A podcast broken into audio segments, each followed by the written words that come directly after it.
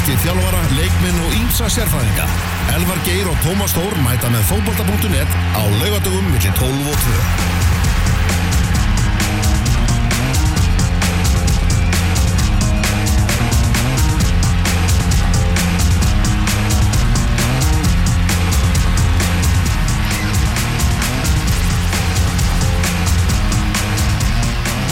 Fókbalta.net á X-inu 977 á þessum fallega laugardegi og eh, já, þið þurfum ekkert að að giska á það, þið megið giska á það en, en við erum að fara að fjalla um HM það er bara þannig, við erum að fara að tala um HM í, í þessum þætti, dráttin góða sem framfór í, í gær Elvar Geir og Tómas Þór og með okkur Arnar Gretarsson, okkar landslið sérfræðingur. Og svo erum við einni með Rústland á, á línunni. Halló Rústland Já, góðan daginn. Já, góðan daginn. Það er Þór Bæring og okkar maður í, í, í Rúslandi. Hvernig eru menn í dag eftir vodkadrykju gerðkvöldsins? Það er gerð dagsins. maður bara, já, akkurat, maður er bara sprækur, sko. Byrjaði snemma í morgun að skoða hótel, þannig að það er verður að nýta hverja mínúti hérna. Mm Þannig að þarna, þú varst náttúrulega algjörlega að kynast rúsneskri menningu alveg, alveg beint í æð með þessum, með þessum drætti í gerð. Já, ég var það bara að fara alla leið, það var bara þannig, prófið allt saman. Hvernig, var að... Hvernig var að vera smá, dílei á þessu sem að gera þetta skemmtilegt sem að gera útarp alltaf skemmtilegt sko. hvernig, hvernig var að vera viðstættur þetta vera bara í sama sal og allir þessi gaurar Putin og Pele og Maradona og allir þessi gaurar Ég reyndar fekk nú ekki að komast þar inn. Ég var bara með fyrir utan. En, Hérna, en einhver síður, þá var þetta mjög mikil upplifun og gaman að vera á Rauðatorkinu þarna til dæmis fyrir, fyrir dráttinn. Og ég skálsögður reyndi að koma Íslandi á korti þar með vikingaklappi og fleiru. eh, segðu okkur hérna, Þór, við náðum mikið verið að tala núna hversu mikið svona stærra HM er heldur en EM. Nú er þú veist, er EM eiginlega ekki sambóð okkur lengur, sko, við förum alltaf svo ógeðslega mikið fram úr okkur. Fannstu fyrir því í gær að hversu, hversu miklu starra heimsmeistaramóti í fótbolta er heldur en EM með fullri vinningu fyrir því ágætamóti? Já, það kom mér einmitt uh, verulega óvart hvað þetta var.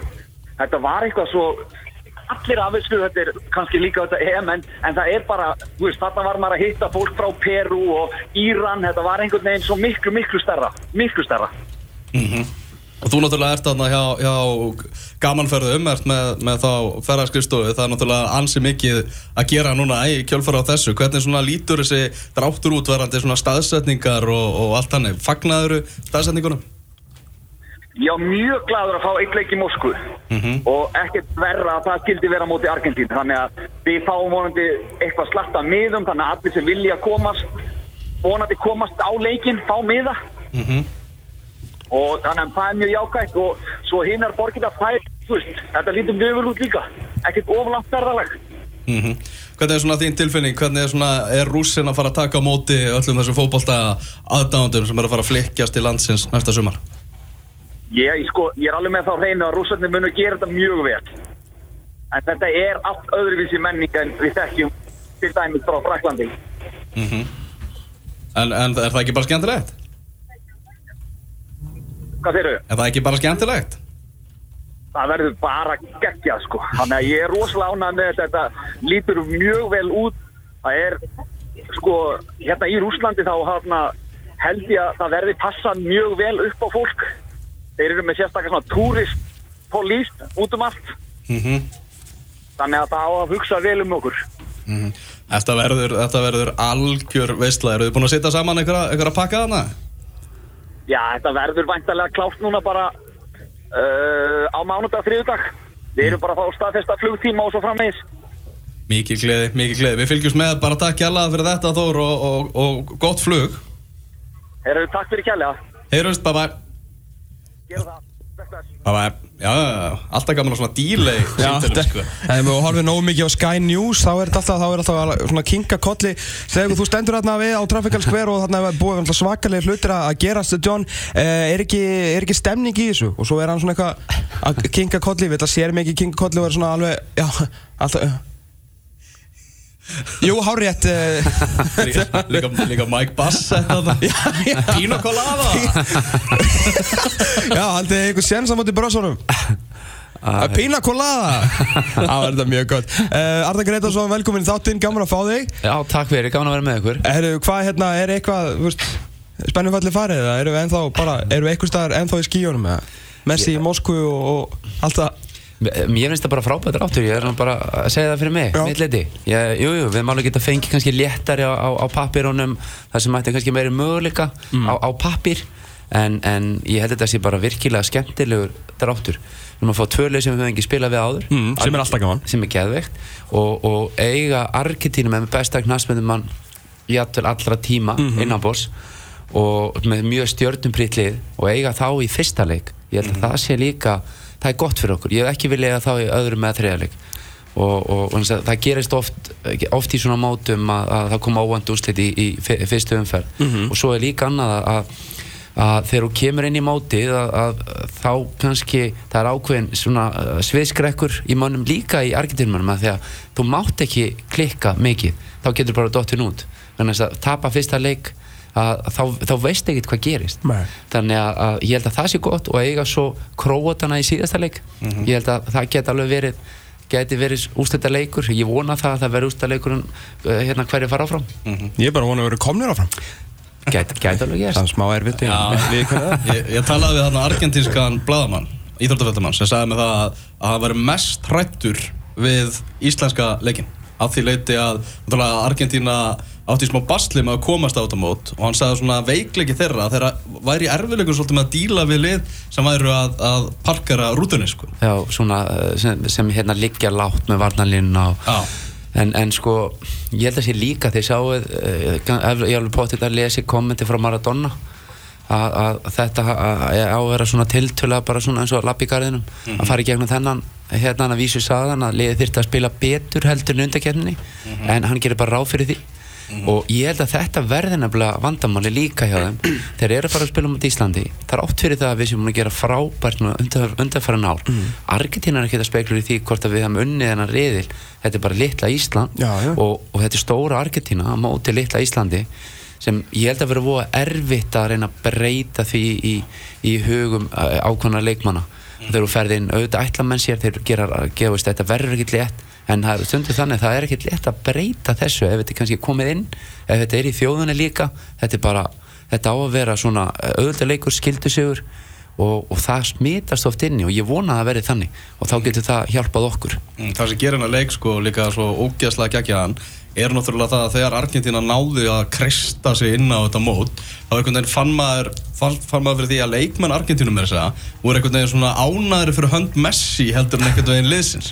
Því að náttúrulega það sem að Messi vantar í byggarasafni sitt er náttúrulega þessi HM stitta hann verður 35 ára gamall þegar að HM í Katar verður þannig að þetta svona á að vera hans HM og fyrsti leikur er á móti okkur þar sem hann og Aron Einar er að fara að vera hann að við hlið inn kljást. völlinn, sko. Þetta er náttúrulega bara bilað sko. En sko, þú má ekki gleyma því að argentinska landslið er bara uh, búið að vera í smá krísu í svolítið tíma og hérna náttúrulega voru í bullandi basli sem náttúrulega hrikalega sterka reyðli í Suður Ameríku uh, sem er mjög skrítið því að raunum vera því að horfur á argentinska landslið í dag þá ertu með fjóra af leikiðastu leikmennum liðsins frá upphafi að spila núna þannig ekki vantar reynsluna. Nei, nei. þú ert síðan með hrikalega flotta unga gæja þú veist eins og Dybala og fleiri og svo ertu með sko þrjá af markaðistu í sögunni þar á tvo af þremur sko. Já. og með þrjá af sex, Messi, Sergio Aguero og Gonzalo já. uh, þeir eru þrýr af sex markaðist í sögunni og Messi og Aguero eru tveir af, hérna, uh, tveir af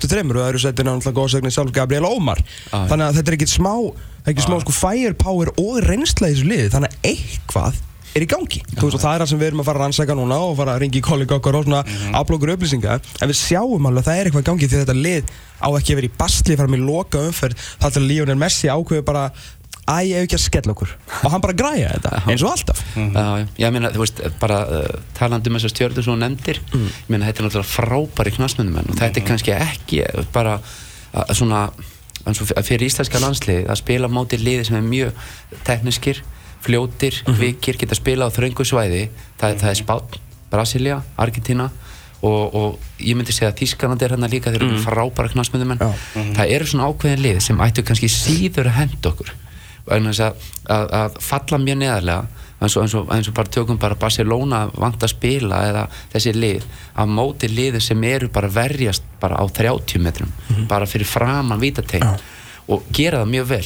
Þannig að og, og leikmenn hjá Argentínu eru þannig hérna leikmenn að það ætti ekki að vera þú ert með Akver og þú ert með Dybala þú ert með Messi, þú ert með alla þessa gauðra sem eru frábærir á stöttu svæði. Fljótir, geta tekið með ná þannig að það kemur hann svolítið á óvart að, að, þetta hafi verið vandamæli á þeim í þeim leikum það sem er parkerað fyrir framann þá hefði maður haldið að, þeir ætti að geta leista mm. því ég menna hvað gerir Messi í náðast ykkur einasta leik sem hann spila um Barcelona?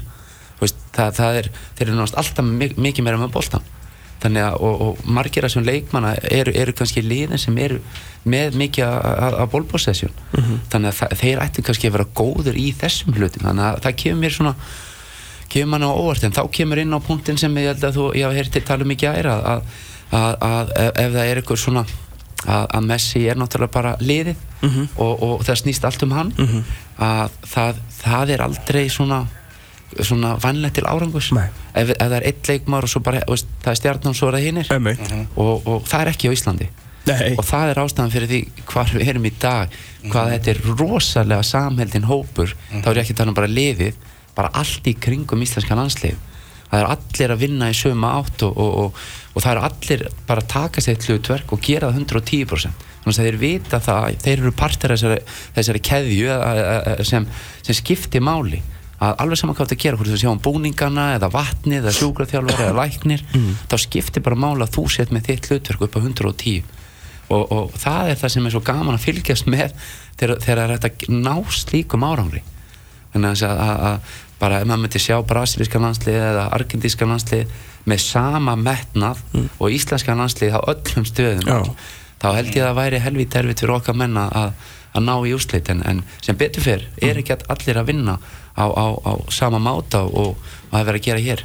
Má, Málið er með, sem með Brasli að hérna, sem ég er náttúrulega gríðarlegur aðdáðandi brasilíska landsleisins uh, að þeir svona einmitt, uh, eru svolítið uh, svolítið lausi við þetta svona fyndið að segja þetta, náttúrulega eru brasilíski fótballtamenn í dag upp til hópa algjörar stjörnur, en þeirra helsta stjarnar uh, og langskjærasta stjarn í dag, Neymar, Já, er allavega með Brasilíu rosalegu liðsmaður, þú veist að hann heimta að fá að spila ólimpíuleikunum því að þá bara, hann bara gæti ekki ímynda sig það að Brasilíu var búið að vinna allt í heimsfótballtunum nema ólimpíuleikana Já, já. og auðvitað skora hann svo loka vítunum þannig að þú svona, hann svona, ég veit að hann er ekkit barnana bestur í, í öllu, svona, skilu hann er búin að detti í, hérna, í peningagrefjuna og svona, skilu það tæma, tapa sér allir þegar kemur á peningum en, en hann, síðan í kringum hann eru hérna alltaf reikala góði fótballtumenn en liðseldin svona undanfærið hefur verið alltaf verið mikil á Brasilíu og þú bætir liðseld ofan á svona ævintýraleg gæði Já, já. þá vinnur þú fótballleiki sko. Já, þú átt að gera það náttúrulega og, og, og það er kannski svona einna hel sem að svona kosta Brasil í gegnum tíðina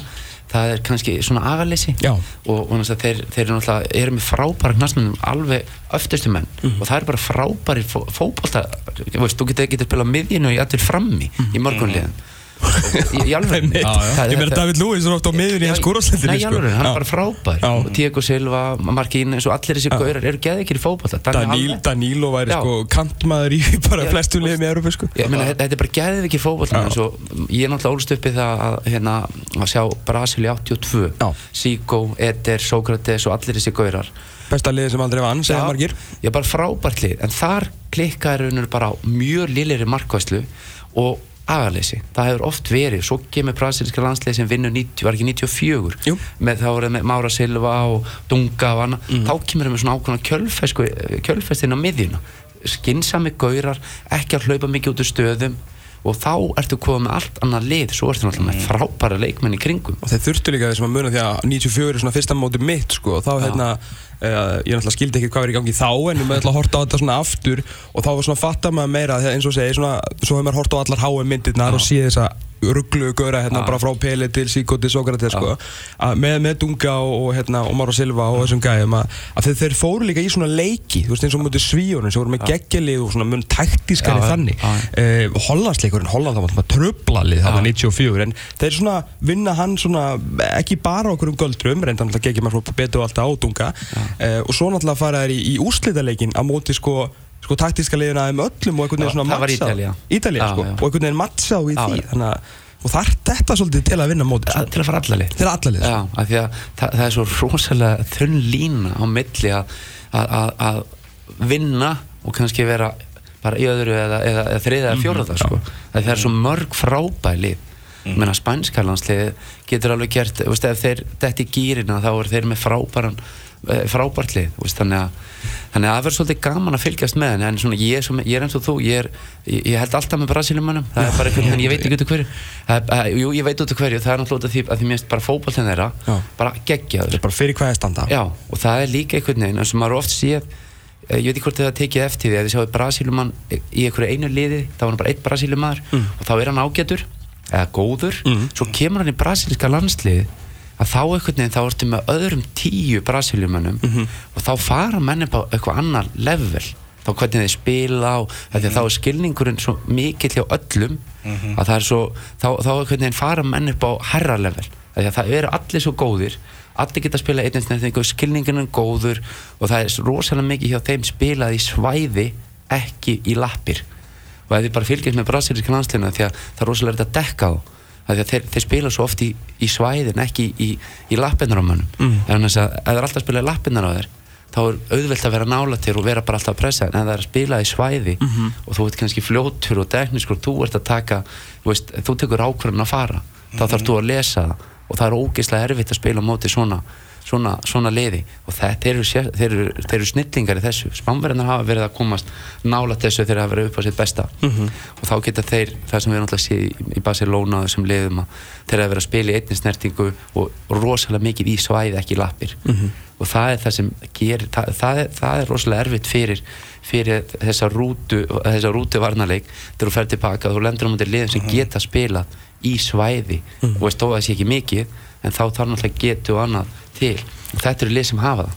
Sko Arleif svona dunga með, með brasilíska landsliði sem hérna uh, já, þú veist, náttúrulega sem þjálfæri þar segja, náttúrulega var svo heimsmyndstær 94 uh, hann náttúrulega kemur inn og, og fer svona og breytir svolítið leikstílina og náttúrulega þeir verða mjög óbrasilískir um langat hríð og mjög svona leiðilegir. En, en það er svona, svona skilaði sér þetta var erfiður og ljótu kapli hjá þeim. En skilaði svona kannski af sér því að þeir svona fóru að pæli því að verjast á miðunni og nú, þú veist, þú horfur á framherrina þær í dag. Bara, þú veist, Gabriel Jesus, Neymar, Roberto Firmino Tyson sem við sjá með hérna, segdar í meistardildinu, það gekkjaði leikmaður. Uh, síðan fyrir utan, þú veist, Willian og, og Diego sem er strákur í að sem er uh, hörku, hörku skemmtilega maður svona sé klipp með honum á YouTube. Og bara gangi ykkur bara allt í hægin að reyna að verjast þessi mönnum sko.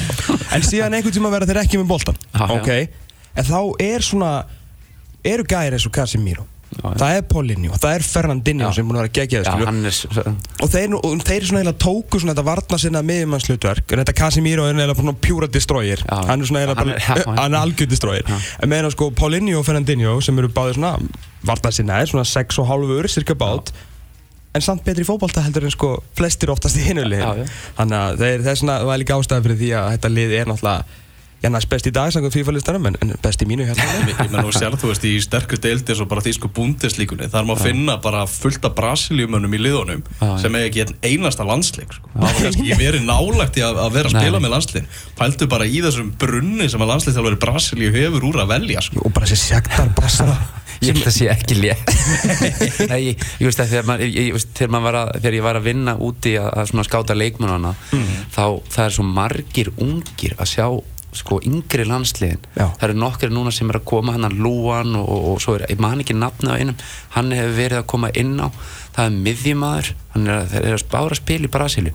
Geggjaði knaspindum mm. þeir eru svo mikið af góðum leikmönnum að það er minna að þið geti bara farið til Brasilíu líka bara farið á götunar og pikkað upp ykkur á gauðra og þeir myndir standa sér vel hvar sem er þannig að, en auðvitað, auðvitað er náttúrulega líka það að þegar þú ert komin á hæðstæðlega þá þarf það náttúrulega að vera taktískur en svo nefnir og þegar þú ert með boltan þá er gott að blessa að vera góður en hvað gerir þegar þú ert ekki með boltan Jep. en þessi fótbolta, fyrir utan Brasilíu kannski og Spán, þá eru þeir kannski með 70-75% með boltan en kannski fyrir flestum liðum að þá eru leikmenn kannski bara með tvær mínútur með boltan í leiknum. Og þá skipt sem máli hvað gerur þá?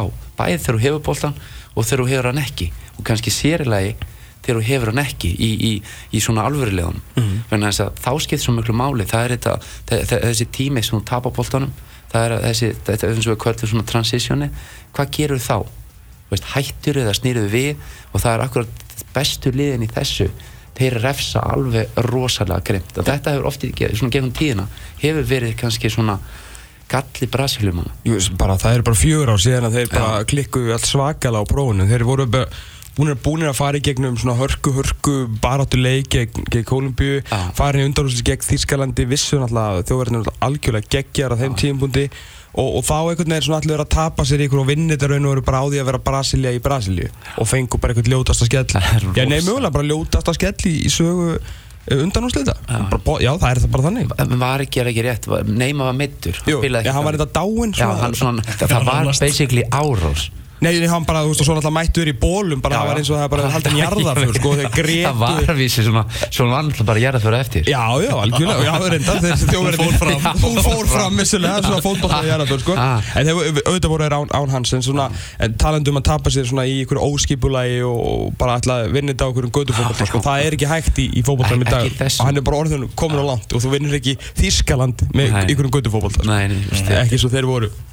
Nei. Nei, en þetta, þessi getni komandi kannski aftur að, að, að, Argentínu og svo Nígerju að því hérna, það er eitthvað lið sem kannski er svona með þeim sterkari hérna, í fjórða styrkleika flokki en, en ég veit ekki, eru þið búin að rúlla yfir sko listan af þeim leikmönnum? Það er raun og sá sem er svona kannski skærasta stjarnan er það ekki Gaurin sem var hjá Man City sem var núna fór til Leicester?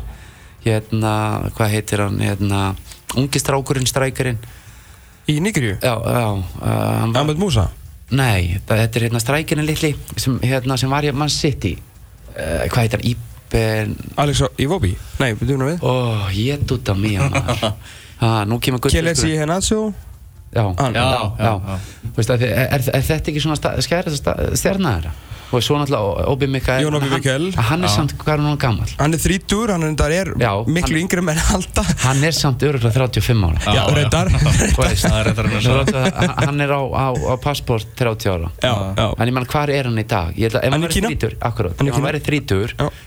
væri hann þá ekki áfram í Premier League eða, veist, í, í einhverju svona stóru liði? Já, með uh, sína fyrirská Nei, það ekki? Já, Ég meina, frábár leikmaður, Já, búin að já, já, já. geggja, geggja hann feril en, en þannig búin að fara svolítið síðustu ár, þegar við skoði þá hefur hann ekki verið að spila á háu level. En þetta er góðu leikmaður, engin spurning.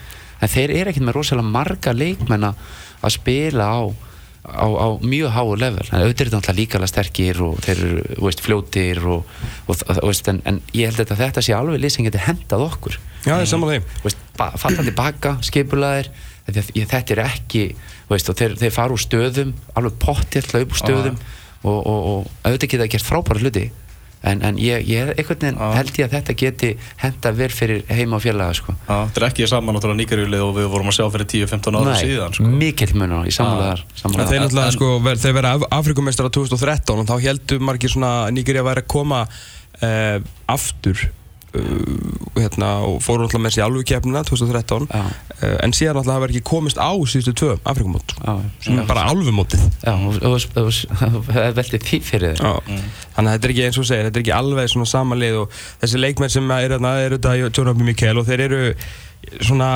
þetta er kannski ekki einhverja resa stjörnu fram á, þetta eru strákar sem að hérna, þú veist, Alex Iwobi er svona uh, í og með ég Arsenal-liðinu meina- og þetta Já, er fótt til Leicester til að, til að spila með Musa uh, hjá Leicester líka og svo eiga er hérna, geta alltaf ringt í og Diony Gallo sem að skora hérna grind við tömur árum með Watford en er komin í Kínagulli líka. eh, og oft svona, þú veist, mjög svona óskipulega, svona, mér, mér líst mjög vel á Nígerju fyrir Já. hönd íslenska landsins ég verð bara að Ég- segja það. Maður oft séð Nígerju spila. Þeir Já. eru, þeir eru fastakestir á, á með svona, en maður séð þetta. Já, já. uh, Fyrir, fyrir náttúrulega sjö ára síðan þá voru þeir á HM undir stjórn Las Lagerbach er Já, já. Lalla Í okkar. Söður Afríku Já, Alveg algjörlega. Hár rétt Þannig að það er mjög líklegt að heimir Ég- slái á þráðin til Já, Lalla. eitthvað segir mér það. Já, Góða punktur, já, Já. það er bara pottjætt eða, eða hann slá að þráðin til heimis og Já. gefa hann svona upplýsingar um veist, veikleik og kosti veist, bara það sem er í þessu landslega Já, mentalityið og Já, allt sem er í gangi í þessu akkurat. landsliði, sko. sem, er, sem er góða punktur Svo Þegar Lagerbach er ansi, ansi duglegur að lesa það eins og við höfum komist að Það sem ég fýla líka, það er, að leikma, það leikmaður í nýgerska liðinu sem er að spila í Nóri sem er svona eins og við Já, Eða svona eru- í Noregi? Já, þeir eru með, með leikmenn bara svona, ef við- við getum sagt svona á eðlum stöðum ekki. Já, og já. ekki að tala um í Premier League og, og, og La Liga á bestu liðin og eins, eins og Kroatia, tökum svona dæmi. Já, nákvæmlega, þú veist, það eru hérna nokkur í, í, í Kína og svo Tyrkland, Portugal, uh, einni hérna í, Hábil Bersheva í Ísrael, einni Adolf Den Hager í hérna í Marreitnadónstólunum þar og þannig að þetta er svona Þetta er svona mesti svona pappir versus pappir getum við svona mattsað við Nigeríuna Það er betra heldur en Argentína Já, Króatía. tölvöld betur enn Argentína Það lítur betur út. Að Ég, ég sko, þú veist, þegar dráttur var þá hugsaði ég bara, ég vil fá Suður Ameríku þjóð Argentínu eða Brasilíu. Það hefði líka verið gaman að fá Kólumbíu reyðilinn sko. uh, Ah, Ekki? Jú. En hún, hún, þeir eru Gáttu við það annars, ekki? Jú, þeir voru, ekki efstæðið Við gáttum það náttúrulega ekki Þú veist, þeir voru í öðru sterklega flokki sko. Já, voru í öðru. Já, þannig að við gáttum alveg, Við gátum það, ekki, eftir að Argentina var komin en, en Já. En, en fyrirfram. Já, fyrirfram, Já, já, já, þeir voru í öðrum. Ég vildi líka fá svona dansandi Afriku þjóð sko. Bara svona trumpuslátt og, og svona bara upp, Ég, ætla að fullera það. Jú, ég fullera það bara, skiptir engum máli. Að 22. júni í Volgograd Þegar herrans ár 2018 Verði bara, muni bara bjóða upp á eitt skemmtilegasta fótbolladag Sko, á háa Eitt skemmtilegasta Nígeríski stuðnismenn, Já, já. alltaf hressir, fjölmannir þetta er Já, já. reysa, þetta er reysa þjóð Mhm. Allir grænir. Allir grænir og, og glaðir sko. Ísland Já. svona mjög báði, báði settastöðnismönnum mjög jákvæðir og skemmtilegur og sönglaðir og, og hérna og, eflust, ég veit ekki hver púpmenningin er í Nígeríu, ég þekki það ekki. Ég veit að íslenska púpmenningin er sterk og hérna að mönnum finnst gaman að lifa. Þannig að ég, þú veist, ég bara sé fram á geggjaðan daga, ég held að vera ógeðslega gaman að vera stuðnismæður í, í Volgograd. Ég hugsa að verði líka svolítið heitt hana Geta alveg trúið því. Já, það getur enda verið meira fyrir þá. Ekki fyrir bleiknæfjan okkar. Nei, ég meina, og veist, en er ekki flestir þessar, þessar leikmanna þeir eru ekki að spila í, í svona öllu jöfni í einhverjum steikjandi hita þannig að Nei, þá er þetta, veist, kemur alveg að sama. Mm. að því að menn eru vilt ekki að spila á þessum tíma, þetta er undirbúinastíðanbila eða ég vilti frí á þessum tíma. Mhm. og veist svona við eðlileg, veist hérna þegar það er ekki heimsmyndur á móti að Evropakeppnið Afríku, veist, eða, þannig að þá er manni frí, en að vera að spila í Rússlandi á þessum stað sunnarlega í Rússlandi 20. annan. Ég, ég held að ég gæti alveg orðið sko 35-40 stegi hitti sko. Og er ekki leikurinn klukkan hvað er hann? Hann er klukkan hann er þrjú á íslensku tíma sem þýðir hvað? 4-5-6 já, það er að vísu Það er svona aðeins fara að skikja eitthvað. Já, Það er gott. Að flólu sem verða, verða nýtt. Já, En ég, ég er svona, þú veist, já, ok, þannig að ég fekk svona mínu ósku uppfyllta og ég líti á eiginlega Króatíu sem svona fórnarkostnað fyrir, fyrir söllu saman að, að við þurftum að mæta þeim enn eina ferðina, sko. Maður er eitthvað svona að reyna Mér, þetta- sætta sig við þetta og reyna að finna ekki hægt sko. Þetta er nánast sko, mér langaði svo ógeðslega mikið í Brasilíu ég, það tók mér smá tíma í gær að- eins fyndið og það er kannski hljómar það tók mér smá tíma að sætta mig það að Íslandi var að spila móti besta knæspöldum enn í söguna það maður er bara þarna í dag sko. en ok að horfa á fyrirlega íslensku þjóðarinnar lappa hlið við hlið í fyrsta leik degi fyrir þjóðutíða dag Íslandinga við hliðin á Lionel Messi. Ég kaupi þetta alveg. Þetta er allt í læg þú er ekki þetta eini. Ég, ég, nei, ég sé líklega ekki svo eini sko. Ég vildi ótrúlega mikið fá hérna, Afriku þjóð og, hérna, og sérstaklega Níkuru ekki, þú veist, Egyptland eða Marokko. Þetta, það var alveg.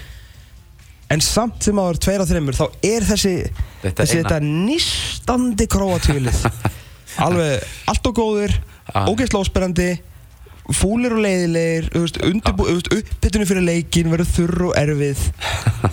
Og einhvern veginn og svo bara oh my god, þú veist, Motorits og Rakitic og já, já, og svo náttúrulega líka það að þeir þurfa að, að svara fyrir. Emmitt það Það er er ekkert að líka, hjálpa til sko. Takk hörður. Jók Nei, þetta, þú veist, við veitum náttúrulega bara allt og mikið um þetta krótiska lið. Bara, við viljum ekkert vita svona mikið um þetta lið en við vitum að, að hérna, hvað heitir minn maður, já, Dómoko Víta hann er, hann er alltaf blind fullur á bílnum. Er það bara máli? já, hann er mikið, mikið í því. Já, það er svo sem og þeir eru ekki mikið að, hérna, að refsónum heldur hjá Dynamo Kiev Nei, enda ég- er, er, er ekki bara veist, standardinn þar að þú færið reitt vodka og keirir bara. Jú, hann, hann er reyndar að fá Fólk sig er í vodka allan daginn Já, og það eru bílar þarna. Já, Já, Já, samt þetta á bara- löggan og með einhvern, með einhvern uppsteitt þannig daginn. Nú er það fannst hann að fengja það sem það var bara fyrir Íslandsleikin það var hann íbúið að taka hann á bílnum. Alveg blind fullur sko það var alltaf að vera hérna eftir því að að hann er settur í agabann hjá krótiska landsliðinu. Þeim datt hann ekki í hug sko. Mér finnst þetta, mér finn, þú veist, mér finnst þetta að vera svo, svolítið svona old school. Ég, núna, ég, ég, ég sé þetta ekki í Þískalandi sem dæmi. Ef, ef bara Mark Hammers myndi bara, bara vera hauslaus. Á pillum. Já, og, og að að þetta er svo mikið, mikla fyrirmyndir Algjörlega. og svo bara er hann bara að spila bara þreymundum setna með Þískalandi í, í, í, í hérna undakenni. Ja, finnst það bara ekki make a sense. Alls ekki. En það er, ef, er, sko. ef að gamli skólinn er einhver staðar þá er hann eh, í austurblokkinni það er að vísu á ákveðnum löndum það er, eru menn stundum svona þegar mann segir svona þegar taka svona. Já. það er svolítið grátt það er ekki hvítt og svart. Gráarsvæðið er ansi stórt. það er svolítið stórt. Svo oft svona smá móða sko. Er, er hvað hérna svona, ef við tölum aðeins um, um, um englendingina svona, þeir voru ansi hefnir.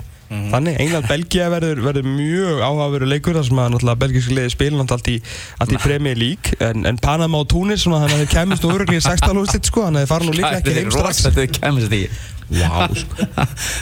ef við útilokum ekki, þetta er jú England já, já, já, en ég í anskotin anskotin, ég, ég, þeir hljóta að fara ég, Já, geti- já, þeir fara Ég vona því að þetta er svona, þetta er liðnum með tvö sem maður heldur með. Það er Brasilia og ef við getum sagt um með þrjú, er náttúrulega að því að Ísland er með náttúrulega, má ekki glemma Nei, því. nei, Ísland, er Ísland, Brasilia, Brasilia, England. England. Já. Það er svona, það, það, maður vill að þessi lið komi sem lengst. Mm. Maður er einhvern veginn, þú veist, maður vill að englendinga gangi vel. Maður fylgir svo mikið með ennska boltanum og hefur tauga til og hefur alltaf haft. maður les ennska fjölummiðla og Já. þar er umfjöllinu þá alltaf náttúrulega miklu meiri sko. Já, þannig að ég held að þessi langflestir Íslendingar þeir eru og hafa verið með sko, Brasilíu eða Argentínu og svo er alltaf England í þessum lókjafna því við höfum alltaf aldrei verið nema, nema núna og svo í, í Evrópu núna með í Fraklandi Já. þannig að það er vísu kryttar þetta svolítið? Sko ég hérna mm, horfði á, ég var að segja frá því hérna í víshúsningun í gær að hérna ég var að horfa á sá netinu umræður á BT Sport þar sem að þeir voru að spjalla saman félagarnir uh, Ríó Ferdinand, Frank Lampard og, og Steven Gerrard uh, og þar sem að þeir fengur svona spurning úr sal sem í uh, svona af hverju þeir voru basically af hverju þeir gáttu ekki raskat með landsliðinu? Eða þess að af hverju landsliði gerði ekkert gerði ekki meira? með þetta eh, er frábærli Já, með, með se- The Golden Generation, Já. gullkynnslóðina sína. Og, og Ríó Ferdinand hérna svona ofinberaði það sem að ég svona, ég skil ekki að hverju menn er ekki búin að gera meira út úr uh, í, í Englandi þegar ég kom myndi að segja þetta um íslenska landslið Já. allar hann viðkendi það að, að hérna, þetta bara var ekki að og að hjartað fyrir liðunum Já, væri svo, svo í, sest, í, í League fyrir Manchester United, Chelsea og Liverpool að að metnaðurinn fyrir, Fyrir hönd. fyrir hönd félagsins væri svo stjartfræðilega mikill. Já, að þeir bara, það næðist aldrei skilur þeir, þeir töluðu alltaf saman. Þú veist ekki, því- það var ekki, það var ekki, sko, það var ekki er bíf eða ekkert vesen en það minn, voru samt klíkur, United menni saman Chelsea Já. menni saman, Liverpool menni saman. Og Ríó sagði bara, ég er ekki fara að tala um Frank Lampard um neitt tengt fótbolta af því að ég ætla ekki að gefa honum svo minnstu sem sko örðu af edge á mig sko. Já. ef, ef hann kemur til Lampard og segja, veist, hann var svona Já, eh, svona, og hvernig segir hann kannski, já, svona eitthvað passaðu hérna, Já. passaðu upp á að að, hérna, senda hann ekki á vinstri löppina þegar ég er nála debóanum út af þessu skilju þá var hann bara, ok, þá tekið þetta bara í næsta leiki premjuleikur og, og hann var að segja frá þessu og þeir tóku undir þetta uh, Lampard og, og Gerrard sko, og maður bara wow, ok, Já. það er ekki fyrir það að þeir náðu ekki lengra með, með þetta lið en svo ef maður heimfærið þetta og ef það er eitthvað sem þeir geta þá lært af íslenskanlandsliðinu. Það er mönnum sko drullu samhæfum þessi félagslið sín þegar að kemur að íslenska landsliðinu þú veist, róum okkur sko en við höfum séð það alveg. Já, já. Ísland er bara númer og uno hjá strákanum okkar og það skiptir máli eða þú ætlar að ná Já, já, en enda, enda ég, svo sem maður ma skilur það, ég, ma ég tek náttúrulega bara hattin og hann líka eins og tökum bara fyrir stæðstu stjórnun okkar Gilva Mm. að hérna, hann náttúrulega hefur verið að spila í svona bestu deild í heimi og, og hefur verið líkil maður í, í, í liðinu sínu það sem var í Swansea og svo er núna svona festa sig í, í Sessi í Everton sem er starri klubur að þar ertu samt, þú ert á rosalega stórum vettvangi og að hann skuli samt koma í íslenska landsliði og gera það sem hann er að gera þar. Það er ekkert sjálfgefi og, og hann nefnilega þegar, hann sem maður segir að því að hann er náttúrulega allt margir frábæri en hann er svona á löstum staðist að nafna okkar. Já, að hann svona dregur vagnin bara með, með svona að vera atvinnumæður á öllu leiti veist, það er ekkert ruggla á honum, hann er bara mætir mætir snemma og er, leggur mest á sig hleypur hvað mest í leikjum. Og þegar hann gerir þetta þá bara, þá verða allir hinnir það er alltaf svona, veist ef Messi hleypur mest, þá hljóta allir að hlaupa. En, en ekki, það er ekki þannig í Argentínu. Messi leipur ekki mest. En, en, en eh, ímyndaðu ykkur bara, veist, ef þú væri með Messi og hann væri tækland og hlaupandi þegar bolti tapast. Mhm. meina það væri náttúrulega allir hlaupandi bara úr sér lungun í Argentínu Mhm. en þannig er þetta svolítið í íslenska liðinu og það er alveg rétt það sem þú ert að segja Mhm. að, að ná þessu upp þessum, þessum anda það sem er í íslenska liðinu það er ekkert í mörgum landsliðum það eru einhver lið það verðist vera þýskanlandslið er alltaf með svona þess, þennan baróttu anda þeir gefast aldrei upp alveg, alveg fram á síðustu mínútu og menn leggja sér mikið fram fyrir, fyrir þýskanlandslið svo erum við með pólska landslið það er, verðist vera mikið þó að séum með súpustjörnu það eru landslið og ég sammálaður líka núna með Brasilíu það er ekki svona einhver súpustjörna sem er starri en liðið. Já, nema Neymar, sko, en, hann, hann, hann, er spila sig ekki þannig. Nei, akkurat, og það er svolítið munur. Ég meina, það er súperstjarni í íslenska liðinu Við getum sagt að Gilvi er já, en, en hann spila sig ekki sem stíkan. Alls ekki. Allavega ekki inn á vellinum. Og maður hefur ekki teirt nema hann sé bara 110% allstar annar staðar. Og þetta skiptir svo miklu máli. Líka bara fyrir þjálfara. Ef, ef þú ert þjálfari og þú ert með veist, besta manniðin og hann er mesta fyrirmyndin.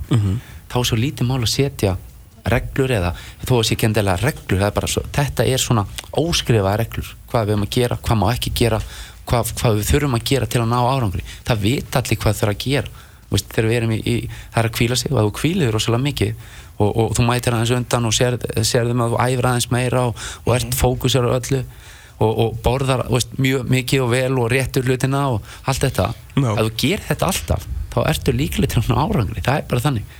En, en það er ekki allir að gera þetta. Nei. menn vita alveg að það er æskilegt að fara að sofa 12-14 tíma þú ert íþróttamæður á, á sólaring ekki, ekki einu, heldur þú legguð við daginn og hana en það er ekki allir að gera þetta. Er bara, þeir nennar sig ekki, þeir fara frekar að spila Playstation eða eitthvað að leika sér. Það er erfitt að sofa. Svona mikið. Já, já, ég er alveg sammála Gilvi er rosalega góður í því að Tjöfell er hann sofa. góður að sofa Já, er það málið? Já, já, jésús Hann var í atvinnum með endur okkar hann segir verið- hann segir verið sólarring fyrir leik. Bara fyrirleik og er hann bara upp í rúmi. En, bara- en þetta, þetta kemur mér ekkert á óvart. Nei, nei ég meina, Maðurinn er náttúrulega bara Sko, Gilvi Þór Sigursson Það sem að, það sem að sko Ég veit ekki hvort það hafi svona verið talað um, í, svona um hann Maður er búin að tala svo mikið um hann Kannski maður finna einhvern semi nýjan punkt Sko, Ha. Gilvi þrýfst ekki á því Að vera í formi eða vera út kvildur Það er bara, skilur og afleðing Já. Gilvi Þór Sigursson þrýfst á því að vinna já. Númer 1, 2, sko, hann langaði alltaf að vera aturumæður og hann er orðin aturumæður og besti fótballtumæður Íslands mögulega, upp þér, sko, ok, það er raunur umlega. En Gilvi Þór Sigursson þrýst á því að vinna. Hann er alltaf fúlastur eða vinna, eða tapa. Brenda líka eða vinna, en það er svona mál. eh, hérna, nei, ég segi svona. Hérna, en skilju, hann, hann vil bara alltaf vinna og hann veit að ef að íslenska landsliði á að vinna, þá þarf hann að spila upp á tíu já. og hann þarf að hlaupa 10 pluss kilometra Já, já. og hann veit að þá koma allir aðri með hlaupið hérna, þú veist þessi hlaup er að taka skilja ykkur að spretti og dundar þessu upp í 12 km kannski stöðunni 3-0 eða 2-0 eða 3-0 á mútið Úkræn og 89. mínútu hann þarf ekkert að gera þetta og þetta er ekkert meðvitað, en þetta er samt ómeðvitað að bara ég klára þennan sprett hér ég síni þetta fórtæmi þegar þá fylgja mér allir og ef allir fylgja mér og gerir svo ég og við erum áfram samstæð skilur stöndu saman sem lið þá vinnum við leiki. Þannig að allt fyrir til hring. Hann vil vinna, hann gerir allt persónulega sem hann getur gert til að vinna bæði með sínum félagslegum og landsliðum. Hann sefur, hann borðar skilur og, og hérna sefur svo aftur og borðar svo aftur fyrir svo æfingu skilur svo bara reynsin upp hít. Bara mögulega oft og tíum hundlegilegt líf skilur. En uppskeran er að vinna. Og það er eina sem hann snýst um. Já, já, og ná árangri, ég meina og ná árangri. það er bara þannig, ég meina við tökum bara Ronaldo þó hann sé oft umtiltur, hann er ekkit allara Cristiano Ronaldo, en ég meina það var, ekkert- ég var, sá eitthvað þáttum að það sem hann var að fara yfir þá er það, hann, hann er, við séum komin svolítið hátlegur, hann er bara með kokk heima Jú, jú. og, og hann, hann borða fjóru sinum á dag. Veist, það er bara heitar máltíðar. Já. og svo, svo hérna, svo er 14 tíma svona meðaltali það hann bara leggur sér svo æfir hann svo mikið og, Mhm. og þetta, lífi snýst um þetta. Það er ekkit annað, það er ekkit áfengi það er ekkit verið að reykja eitt eða neitt. Mm. og enda gaurin er náttúrulega hvað er hann gaman, 30 og hann er 85 model. Já, 32, verður 33 á næsta ári. Já. og hann er búinn að vera á, á toppnum hvað, í hvað er mörg ár? Bara, 2000 og það er eftir hérna eftir HM 2006 þegar þeir hérna vinna tillin eða svona skilur hann alltaf samt sem búin að góður það, það er svona virkilega það eru spri- 10-11 ár. Já, hann er bara 10 ára á toppnum alveg. Fáránlegt. Tíu ára tókn Já, það er hennur fáránlegt af því að hann er svona fysikal líka svona Mhm. player að hann er aldrei mittur hann spila nánast flesta leiki hann er alltaf með nánast, nánast fullt sko. Já, algjörlega. Þannig að það, það er bara út af þessu. Við sjá, Gilva ég, ég- ég man ekki mikið eftir að Gilvi hafa mikið meðist það verður ekki verið mikið vesen á þú því. veist, 7-13 en Já, ég, meina, nei, ég, meina, ég man ekki eftir því en það kannski kemur út af því að þú hugsa súpa vel um því Mhm. veist, að, að, þá verður líkunar náttúrulega miklu minni. En það, veist, þetta vita allir það er, ekki, það er mjög fáið sem kannski fara eftir þessu. Veist, jú, að, það er allir svona atvinnumenn en svo ertu með svona súperatvinnumenn Mhm. veist, sem taki þetta upp á, upp á annar level. Og það eru þeir sem svona fara bara svona eins langt og þeir geta farið. Ég við sáum bara, þess að þurfum ekki að fara lengra heldur í, í Pepsi-deildina. Þetta orðin mögulega, hún svo marg sögð og mögulega leiðileg sagan af, af Andrónari Bjarnarsinni, sko. Sem bara hætti að vaka á næturnar, hætti að geta pítsu og er allt í einu komin á sama stall og, og hérna Guðmundur Torfarsson og Tryggvi Guðmundsson. Það er alltaf góð og sko. Og, Þórður og Pétur, það þurfti ekki meira en bara þetta. Og Kristján Flóki Finnbóðsson skilju, fóru út sem ungu maður, kemur heim ekkert verið frábær, alls ekki. Alls ekki eitthvað sem eitthvað tekið þess að deilt með einhverju stormi lagaðist til í mataræðinu heima á sér Var það máli fyrir, fyrir hérna? Fyrir það tímbilinu Já. og bara komum við tala um það og það bara tók aðeins til í það þurfti ekkert mikið meira. Hann er stór, sterkur, góður í fótbolta, getur skora frá bara skalla. Það er alltaf bara eitthvað, eitthvað smá eitthvað örlítlir til að vitni Óla er smá núansar, Já, já, það er eitthvað örlítið tekur aðeins mataræðið í, í gegn og bara hérna, pakkar teltinni saman og við farin í aðtunum sko. En mér er nefnilega eins og sér eh, hérna, þið eigi nefnilega að vera hamra á þessu mm. að þetta er nefnilega svo gott fyrir alla ungu kynnslóðina Mhm. að hlusta á þetta að þetta það sem er á að repeata endalust þetta eru erum við bara með þetta svart og þetta, er bara, bara með, hérna, þe- þetta gerðist þannig að það er ekki bara verið að segja þetta og þarna er bara, bara hérna, hérna hluti sem er búin að gera út að breyttu mataræði. Og ég vissi ekki með Kristján Flóka að það væri svona. Já, það var en, svona. en mataræði er svo rosalega stór þáttur það er bara þú veit bara skiptir máli hvað bensin og setur á velina já, ég, meina ef þú setur dísel á eskortin eða fókusum minn sko, þá er ég ekki að fara neitt. Nei, nei, alltaf ekki, ekki Myndi eitthvað dísel Nei, Nei svo hérna líka eins og með svo er svona þeir sem að byrja á þessu skilur svona lifetimer sem að bara fatta mjög ungir hvert er alla stefna sko. Uh, eins og í Körbál, Martin Hermansson Körbálsmaður, hérna uh, þekki það mjög vel. Hann bara dedikætaði lífsitt alveg og Gilvi skilur uh, í, í þetta. Og hann vissi bara frá unga aldrei ég ætla að vera aðdunumæður og hann vissi líka ef ég ætla að vera aðdunumæður og ef ég ætla að spila á hæsta leveli þú veist svona, kannski þá í Euroleague sem er svona mestardeldin í Európu, kannski ég sá ekki alveg fyrir sem fara í NBA en ok, uh, að þá þarf ég bara að lifa bara þessu bara kvót on kvót, leiðinlega lífi en árangursríka, Já, já. þannig að hann bara aldrei drukkið, aldrei reykt, búin að vera veist, bara í mataræðinu, hann hann misti öllum skólaböllum því hann var á annarkort á æfingu eða aukaæfingu. Já. Og veist, þetta hljómar eins og svona, þessi ykkur óvalið píslavóttar sko, en, en þeir eru það samt að að ykkur leiti því að Það er það er- þetta eru rosalegar Já. félagslega fórnir þegar þú ert að alast upp. Sammála því. Og, og fyrir hvað, að fara síðan eh, ok, fyrir að það sjálfsög að fá að spila á hæsta leveli en það er ekki svo líðitt umturnist og þú sett allt í hennu bara komin í, í sko, einhver liklapartí og, og lætið þegar þú ert komin í aðrunum sko. þar heldur þetta bara áfram. Þa, það, ég, það er nefnilega, ég held að margir átti sig ekki á því þetta heima að þegar það gerist, þeir taka skrefi bara tökum aðtunum eða knaspinum mm. þegar þeir fara til, langt flesti fara til Norrlanda að þá halda mér að nú er ég, nú er ég búin að meika það. Nei, fyrir mig, þá er þetta raunur þá ert að byrja, þú ert raunur búin að standa á Íslandi Já. og þá ert að fara á stærra svið og að, þá byrjar þetta aftur. Og, það verður að taka menn frá Íslandi yfirleitt fara menn ekki beint inn í liðin út og vera líkilmenn, þá þurft að vinna inn í liðið og þú þurft að vera líkilmaður þar til að geta farið lengra. Og þetta er bara endalösir uh, svona ringur, mm -hmm. þannig að þú ætla bara að taka ákvörðum eitthvað hætti í, í að, þú veist, þannig að þannig ertu að taka kannski tíma til þeirra á 25 pluss mínus. Það sem menn eru kannski frá sagt, 15 ára aldri að þú ert kannski með 20 ár þar sem þú ert að dedikita bara í þetta. Mm -hmm. auðvitað er þetta ákveðin fórn en þú ert að fá rosalega margt til, tilbaka. Að, Já, veist, og bara á- lifa algjöru drauma lífi. Það er raunur þannig en þú, þú, þú ert að setja ákveðna hluti til liða Mhm. en ég veit menna það ég, veist, ennþá það í dag þá sakna ég að spila fótbolta. Og ég bara, maður fær svona í, bara, maður svona, maður svona, bara, svona kýtlar í, í, í, fingugómana og, og tætnara þegar maður sér menn fara út á fótboltavöldin Já. og, og þetta er svona það, þannig að þeir sem hafa kynst þessu þá er þetta sp- skemmtilegasta upplifun. Það er að fara út á knastmiðum völl mikið árundum, mikið pressa bæði að vinna og tapa. Þú það eru tilfinningarnar að, að vinna náttúrulega geðvik tilfinning, það er líka ákveðin tilfinning þó vilja náttúrulega ekki kynast henni oft að tapa en það er ákveð menn þurfa að kynast því líka þannig að það er ekki lífið, er ekki bara dans og rósum, það er líka erfileika sko. Svo ertu með, þú veist, íslenska landslið við vorum að tala um hvað, þú veist, landslistjálfur í Brasilíu og mörgum leikmönnum að velja. Það er náttúrulega miklu, miklu, miklu minni hópur hér. Ég menna, sér, við erum örgulega með eitt og ef við horfum á landsliðsverkefni yfir árið, við tökum þessi janúarverkefni og allt þannig, bara hversu stór hluti af atvinnmönnum okkar, þeir sem eru erlendis að spila, Íslandingar eru að taka á einhvern hátt þátt í landsliðsverkefnum á hverju ári Já, já. á þess að maður sé búin að taka það saman þá held ég að það sé bara að við höfum heimsmet í því alveg já. klálega það er við erum svo fá að það er svo stutt leið í já. að þetta lítur líka að vera ákveðin drivkraftur fyrir, fyrir menna að fara, fara þessa leið Já, ekki spurning og, og tala um núna veist, með þess, þessum árangur sem er búin að nást það hlýtur að vera þvíleitt búst bara, veist, það sem er ungi krakkar sem kannski eru, eru mjög ungir og hugsa um að fara í handbolta, kaurubolta, fótbolta. Og svo sjáðu hvað er að gerast með fótboltan það, það hlýtur að vera ennþá meira. Fótboltin, eh, ég held að sé vinsarast íþjóttugunum í Íslandi. Að það hlýtur að spýta ennþá meir í. Vegna þess að þegar menn sjá að herðu að við hefum möguleika að komast í lokakefni í, það, það er náttúrulega draumur að að, að komast í á HM eða, E- og EM þetta er náttúrulega rosalega stór mót. Og nákvæmlega að tala um áðan að munun á EM og HM er náttúrulega gigantískur þýrlið til að, að, að það er bara Evropa að horfa á veist, þegar það er EM.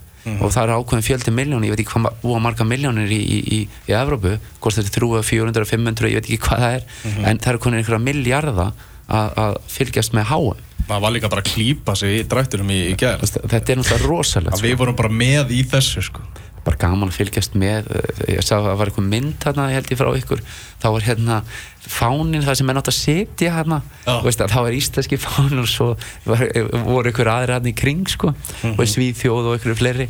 Veist, bara að við skulum vera þessu svið er náttúrulega ég bara, eh, mér finnst það bara undirstryka bara frábæra vinnu sem hefur verið undarfærin ár. Það er bara, ekkit bara í eitt, að þetta er náttúrulega rosalega margir strákarnir sem er að spila í aðliðinu sem voru í þessu, þessari U21 ás og saman sem komst fyrst þarna til Danmarku 2011 og eru bara rosalega flottir einstaklingar og allir svona, veist, duglegir. Ég held að lang flestir ef þú verður myndið að spurja það, sko, akkur ertu búin að ná svona langt? Ég veist að flestir myndið segja, ég er bara búin að leggja miklu meira á mig heldur en allir aðrir.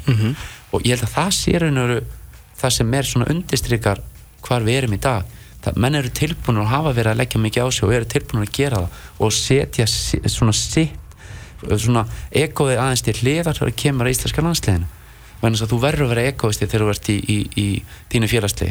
Þú verður að vera það. Það er bara þannig, þú verður að berjast fyrir þannig að ef þú gerir það ekki þá, dettur, þú bara út. Þetta er svolítið svona bara í frumskoðunum. Það er bara svolítið bara survival of the fittest. Það, það er bara svolítið þannig, en svo kemur í landslið að þá kemur þetta svona að vera lið og menn eru, þeir kingja því að fara á bekkin þau bara, veist, þetta er bara uh, það er bara eitt sem ræður, það velur. Og ég mun bara vera klár ef, kem, ef kalli kemur. Og, og sömu setja bara, náttúrulega bara búin að setja á bekknum allan tíman og alltaf tilbúinur, leggja á sig á æfingum og eru þá að leggja sitt að mörgum og þetta er frábært að hafa. Men hversu auðvelt er að verið fyrir Alfred Fimboða svona hætt að gefa kost á sér landslið? hárétt það er bara hárétt þetta, þetta, veist, en þarna er bara, eru menn alltaf kláru svo ef hann fengi kalli þá hefur hann verið að standa þessu 100% Já, fara bara, tók þess að byrja þessu undarkeppni alltaf bara að krafti og meittist síðan þau miður en við erum komin með hann. Þetta er, það er bara öll dæmin. Allt þú sérð er veru neikvægt frá öðrum landsliðum. Uh, náttúrulega þú veist, þetta var þetta bónusamál skilur það var eins og það var og við höfum síðan náttúrulega tölvert verri hluti er var það til dæmis vinn okkur í Nígerju sem að neytur og fara úr flugvillinni hérna fyrir, fyrir hvað, ég ekki, var það ekki bara í Brasilíu, það var í Suður Afríku eða eitthvað. Þeir þeir bara fóru bara ekki út á flugvillinni fyrir að búa, þeir sátu í flugvillinni það að kom- það koma önnur flugvél það sem að kom maður með þrjár miljónir dollara í tösku og bara og skipti, skipti á millið þeirra. Og hérna þeir vil náttúrulega bara í peningum já, ég þeir treyst ekki einhverjum þeir treyst ekki baukonum sko. Mörnum ekki eftir sögunni, Lalli Lagerbakk sagði frá því þegar hann var með Níkaríu þá var hann að gjaldkeri sambandsins. Hann var bara með skjalatöskur og í þessum skjalatöskum var bara cash bara beinharði peningar sko. Svona var þetta þegar ég var í Greiklandi að spila þegar vorum að fara alltaf fyrir upp á hótu, var alltaf að fara á hótu fyrir einasta leik. Þá var alltaf einn með hann var alltaf með skjalatösku og að og þá kannski var að borga fyrir hótel og það var kannski bara 8 miljónir drakmas eða eitthvað, veist, ég veit ekki hvað það var. og veist, að það var rosa mikið peningur. Þannig hann var alltaf bara með veist, bara kass og svo bara greitt, svo farið að borða það var bara tekið kass og greitt. Veist maður bara, veist, hvað er við standir og veist, hvað er það? Að, ég held að þetta sé, við, þessu- ég held að þetta sé búið í dag sko, en, en þetta var svolítið fyndið sko. Já, þetta er mjög Ah, gott, mjög gríst líka. já, ég verði bara með skjala Ótrúlega gríst En það, einmitt, þú veist, eins og ég verið að segja sko, með, með, hérna, þú veist, þeir leistu þetta bónusamála ágætlega og síðan, þú veist, bara, einmitt súpustjarnar sem fær aldrei að- spila sem ætti, sem, og engin skilur hann beið og beið og beið og beið alltaf þvíli professional í öllum viðtölum. Skilur þar til hann fekk sensin lóksins Já, já. og tók hann bara. Já, þú veist, skilur, fyrirliðin er, er náttúrulega bara ímynd þjóðarinnar besti leikmaðurinn er bara sérst, á pari við, við Neymar í að draga sig sérst, niður, já. skilur, og vera hluti af liðinu. Bara, og þú veist, það er allt sem er, skilur, maður heyrt svona vond úr öðrum landsliðum, allt sem að gæti klikkað klikkar ekki á þeim. Nei. hefur ekki gert ég held, að sé, ég held að sé ekki að fara að gerast. Ég held Nei, þetta ég, til af hverju núna. Nei, nei, nei, ég, ég veist, svo held ég sé líka ágætt bara fólk, veist, að því að maður heyrt rosa mikið verið að tala um, já, þetta hlýtur nú að fara að hætta, þetta, fyrir að stoppa, veist, þetta getur ekki verið. Við trúum þess aldrei, við erum alveg Nei, upp í svo mikið til sorg Já, ég menna, bleika skýði hlýtur að fara að hverfa, sko, en, en ég menna, meða við þessa, og svo eru að koma rosalega flotti strákar upp, þannig að, að við, við hefum mikið af flottum knásböndum sem eru á leiðinu upp og ef við höldum þessari vinnu sem, sem er verið að gera að, ég, akkur á það eitthvað endilega að, hverfa, ég er ekki að segja að við fyrir að hverju ári í, einhverja- í, í Nei. lokakeppni en, en ég held að við erum að geta haldið áfram að, að spila eins og við erum að gera og gefa hverjum einasta einustu þjóð leik bara að koma til Íslands það er bara alvöru leikur alveg sem að hvaða lið er að koma Það þarf heldur ekki, þú veist, við þurfum ekki eina kynslu og einu bretti, við náum bara að koma inn einum og einum það í, er bara málið, sko. eins og við eigum í dag þá já. kemur einn og einn og ef það er alvöru leikmenn, nú er að koma nokkur flotti leikmenn upp og, og, og sem er að banka dittnar að, að svo eru mikið af ungum efnilegum strákum sem eigum mann á aðra grúana leikmenn sem eru komni nú þegar út og eru í, í, í hérna akademið múti og eru að gera flotta hluti. Þannig að auðvitað er svolítið langu vegu frá að vera kannski að spila með U19 eða, eða varalið og fara svo upp og, og meika það, en alveg sama, komið þanga og ert búin að vera í ykkur ár að, að, það, þá er farið að styttast í að, að, að, að þú meikið það, komið þér áfram. Og ég ætla bara að vona að menn átti sig á því að þegar að menn eru búin að ná ákveðnum árangri að, að menn hætti ekki, menn halda áfram. Það er stundum maður séð það svo rosaloft menn ná ákveðnum árangri, ná einhvern fyrsta alvöru samning og svo bara hætta menn öllu því sem voru ekki En það er það sem er að vona svolítið að svona gilfi og bara þessi strákar okkar íti þessum strákum sko. þú veist, auðvitað er alltaf frábært að þeir eru eru að, sem sagt, heilla náttúrulega bara, skilur íslensku þjóðina bara strákar og stelpur sem eru skilur vantalega bara að hætta bóla nammi og bara að þið bara vilja allir vera svo gilfi, sko. En þeir eru náttúrulega líka svolítið að inspýra uh, strákarna sem eru næstir, þeir þurfa að verða betri en þeir eru núna. Af því það kraumar alveg gæði skilur núna því nú er heimið þarf að fara að hugsa til að horfa til EM allstar 2020 því að það eru yfirgnæfandi líkar við förum að því að strákarnir eru að gera svo vel og við erum í aðdeldinni þannig að við erum líklega að fara á þriða stórmótið. Þú veist, það eru, hérna, að sjálfsögðu Albert Já, Óta Magnús ef hann getur komist í, í gang, svona einhverju framherja möguleikar. Okkar maður, Júli Magg skilur við á, miðunni, Samuel Kári Viktor Kalle Einarsson. Axel Óskar Andrisson það eru alveg Dagur. Jón Dag og Þorstarsson, ég er mér eini sko. það eru, meina, það eru opsonar en þeir þurfa að verða betri hraðar. Skilur, það, það er það sem íslenska landsliði þarf er ég meina. Já, já. og þú veist það er svona vonandi að og þeir svo gera fleiri, eitthvað fleiri leikir. Fleiri leikir. Eða þú ert kannski komið fleiri verkefni þá getur þú tekið þessa strákinn og farið að möndla það inn eins og, og íslenska landslega er að vinna. Það leið og heimir og helgi geta farið að vinna með þessu strákum og, og tekið þá inn verið með blöndur lið og þeir fara að kynnast hvað er ætlast til þeirra hlutverk í liðinu og annars auðvitað það, eh, eh, eins og við vorum að tala um búin að- þú nefndir hérna hann alveg að, að íslenska liði er búið að spila rosalega mikið á sama mannskand með langan tíma. Það gefur auðvitað það lítur að vera gott. Þetta þeim er meira, þetta eru strákar sem spilir 21 og liðinu saman, koma svo upp. Nú eru margir leikmenn bara konum með 60 leiki pluss og, og meira. Þú veist, og, og, og þeir eru, hvað hva eru gamla 27, 8, 9 ára. Mjög margir mm veist, og, í kringum 30 og allir konum með svona svakalega fjölda leikjum.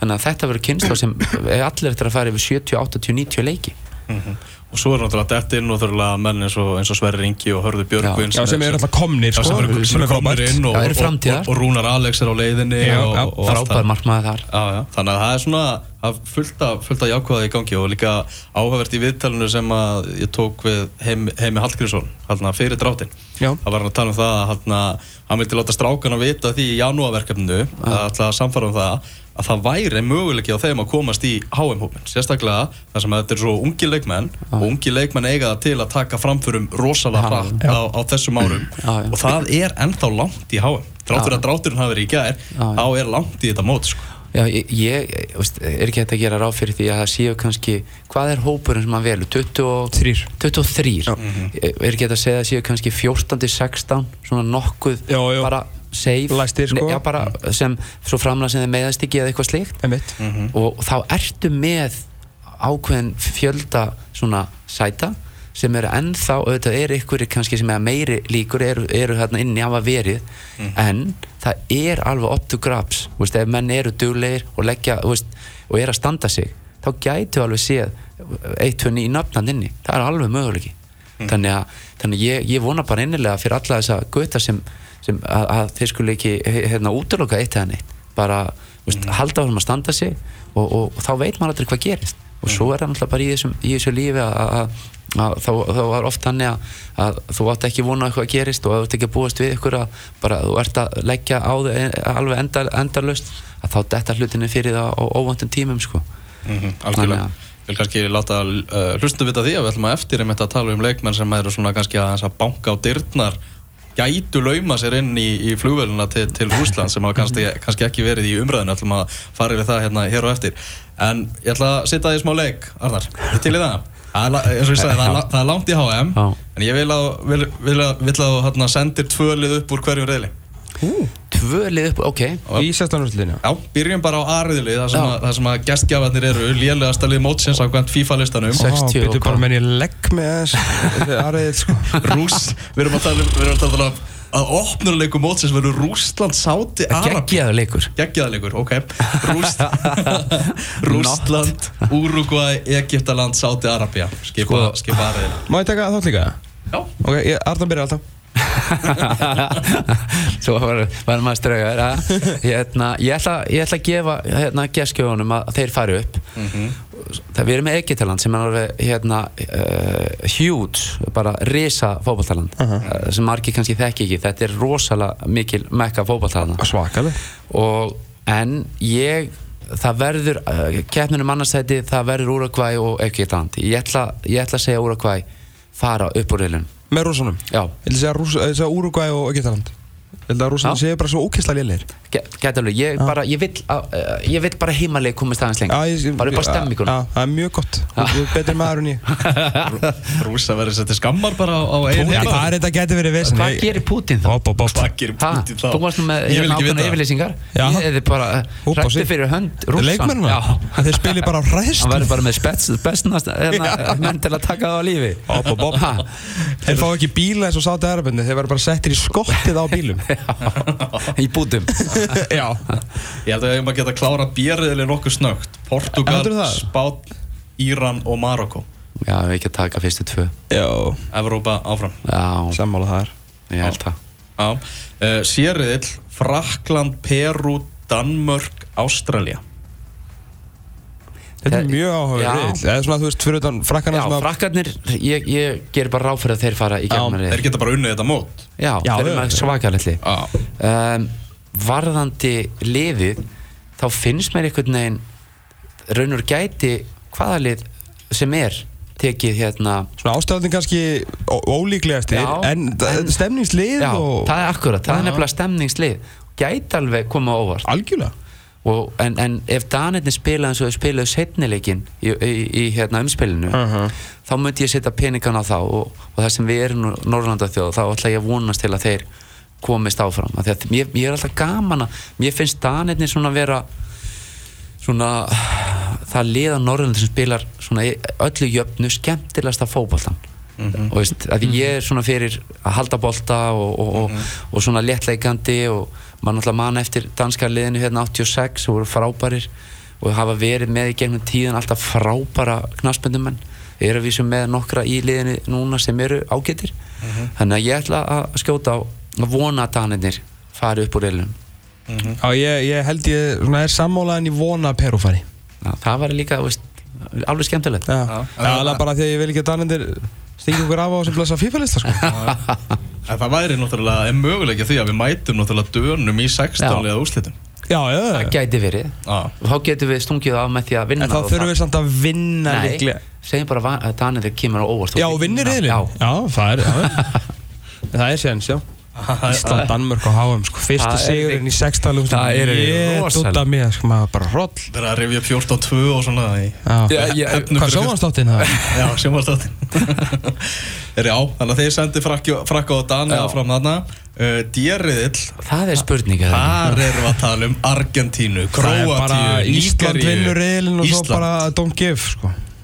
Þú ætti bara að byrja á þessu Nei, nei, þetta vinnur Argentínar Nei Króatía vinnur hennar riðil. Og Ísland er með og Argentínar verð heim.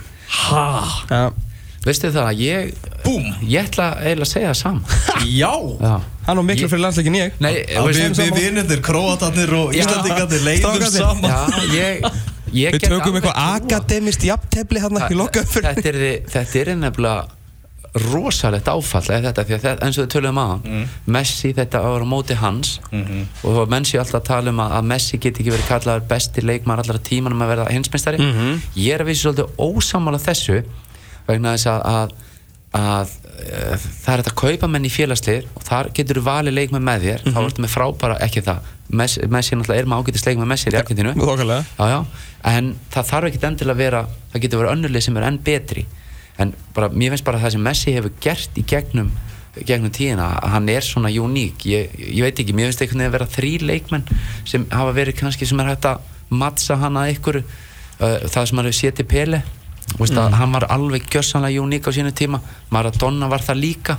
Mér, mér finnst svona þessi þrý leikmenn hafa verið svona veist, auðvitað, svo ertu með ykkur aðra, þú veist með Ronaldo. En mér finnst þið bara á öðrum svona, ekki alveg á sama bara svona alliða Ronaldo náttúrulega bara geggjaði markaskorari mm veist, líkalega sterkur, fljótur og yfinslegt en mér finnst hann ekki vera sama fótballtælega level og, og, og, hinnir Nei, ég, ég er, er alveg samanlega Mér finnst þetta Messi svona Það er þetta ennska orð sem að Þú veist, er eiginlega ekki búið að þýða sem er svona að vera svona transcending Þú þú það transcend sko sem er svona að fara fram úr eða vera yfir eða vera hafin yfir samt í góðum skilningi. Þú Já. veist, þetta er svona leikmaður sem að er einhvern veginn eitthvað allt annað. Já, það, Og það er Messi, fyrir mér sko. Meina, það sem hann gerir það er svona svolítið eins og Maradona skoraði gullmarki hérna 86 Já. Þegar En hann hefur gert það nokkur sinnum sko. Já, ég veit það. Já, bara- Messi hefur gert, og, og við, við tökum kannski knaspina í dag hún er hann erfiðari. Menn eru meira fitt, meira líkilega sterkari fljótari, þannig að þetta er ennþá erfiðari Messi er að spila í, í hérna, og Ronaldo líka þú veist, í, í Champions League Já, já. og Champions League er náttúrulega var ekkit til eins og hún er til í dag Nei, nei. þegar Maradona og Pele var að spila var ekki eins og Maradona sko. Nei, það var náttúrulega Europakefni meistarliða og allt það en, þetta var aðeins öð- öðru annar fótbolti þetta var aðeins að þegar, Maradona er svona já, upp á sitt besta þá er, er Malmö að fara í já. hérna Europakefni meistarliða þá má líka sparka aftur á markmann hann má taka hann upp og hann má henda honum Já, þú veist, þetta er svona tímaði breytast Já. og, og fótballtamenninni með sko Já. En Þetta það- maður fram í, í leiknum okkar. Já. uh, Eriðlinn, Brasilia Sviss, Costa Rica, Serbia. Já, ég, Brasilia að segja alltaf- nýju steg bara. Já, Já, já. þeir, þeir fara alltaf áfram. Þeir pakka þessu já, saman. Ég ætla, ég ætla þó að það séu svolítið döll en þá held ég að svissarinn fara upp úr þessum reyli. Já, og því ég ætla þess að sammála Arnari og, og segja af því að þeir eru svo dól þeir munu, munu taktika sig upp úr þessu reyli. Mjög að agaðir þetta er ekki, þetta er ekki endilega bestu leikmennir en þeir eru með lið þeir eru með, já, á, það er svolítið svona, þetta er svolítið Ísland Já. og það eru leikmenn að spila á, í, í flottum liðum og þeir eru með nokkra góða leikmenn hana þannig ég, ég spáði að þeir þeir geta alveg þessi er líka ánægða með hennar reyðil Þetta Costa Já. Rica og Serbia séu alveg- Costa Rica gott lið, sko, Já. ekki minnskilja með Nei, nei, þeir eru en, alveg en, þeir, fínasta lið. en þetta eru lið heldur sem að henda sviss já, þeir mjög eiga geta gert Já, það já, sammála. Svo er það F-riðil, það er konfekt vá. Ekkert smá gómsættur riðil Þískaland, Mexiko, Svíþjóð og Suður Kóri Þetta er svo, Þetta er svo nefnilega- skemmtileg blanda líka sko. Þetta er nefnilega ekkert þjóðverðanir eiga að fara þarna bara Mhm. klárlega. En, en svo eru hinn þrjú. Með hvernig svíjarnir spiluðu núna í þessum tveimur leikjum á móti ítölun það var náttúrulega með ólíkjum að þeir skildi að hafa farið áfram Mhm. uh, upp úr því. En, en, en jú, vör, vörðursvöld þeir eru með nokkra uh, hérna skemmtilega leikmenn svo er spurning hvað gerir Zlatan er hann alveg hættur að spila eða uh, Ég ætla að segja ekki að tjá sig um það allavega núna nei En það verður sænska pressan mun setja pressu á hann Er það ekki? Jú, Af því að það geta alveg, veist, því að líka bara að vera með svona þunga auðvitaðmann ef, hann- ef hann myndi vilja leggja á sig Ah. þá geti það verið svona annan vingill fyrir þá Já, og, en, en sko, svo veit með söður söður Kóru Mexiko, frábært lið Já. veist, þannig að þetta er þetta er erfitt mm. ég, hérna ég ætla að segja að Mexiko fari með, með hérna, með þeim áfram þó ég sé, Já, ég verð því miður að taka undir það. Já, ég, Ég, ég bara, þeir eru Þeir eru alltaf sammála. Já, ég veit það. Fór Mexiko áfram Mex, síðast? Í- í- í Brasil. voru í reyli með Ah, la la la la. Já, ég fór áfram. Króatum voru skildir eftir, já þeir eru með hörku lið sko. Þeir eru Já. mjög gott lið og, og gott. deildin er hörkudeild sko. Það er peningadýr Já, þeir eru svo Þa, svakalir. Það er nefnilega eitthvað svona svona skemmtilegu leyndamálum leyndamálum, svona minna talað um sérstaklega hérna heima að peningarnir í líka MX Já, það eru svakalir svakalegi seðlar maður Já, en það er líka ástæðan fyrir því að mjög margir leikmenn eru kannski ekkert að fara fyrir kannski seint Mhm. frá Mexiko komast þeim að heim líka Já, þeir, þeir, þeir eru að borga upp í 3-4 miljónar dollara netto í, í laun. Mm. Það var reyndar ekki nóg fyrir Rafael Marquez sem að síðan fór að flytja fíknefn á dögunum fyrir eitthvað kartellin. Já, það er að vísu kannski aðeins meiri peninga þar sko. vissu þeir eru ansið mikli sko. Ég mæli sterklega með nei, svo- fyrir þá sem vilja skjóta Já.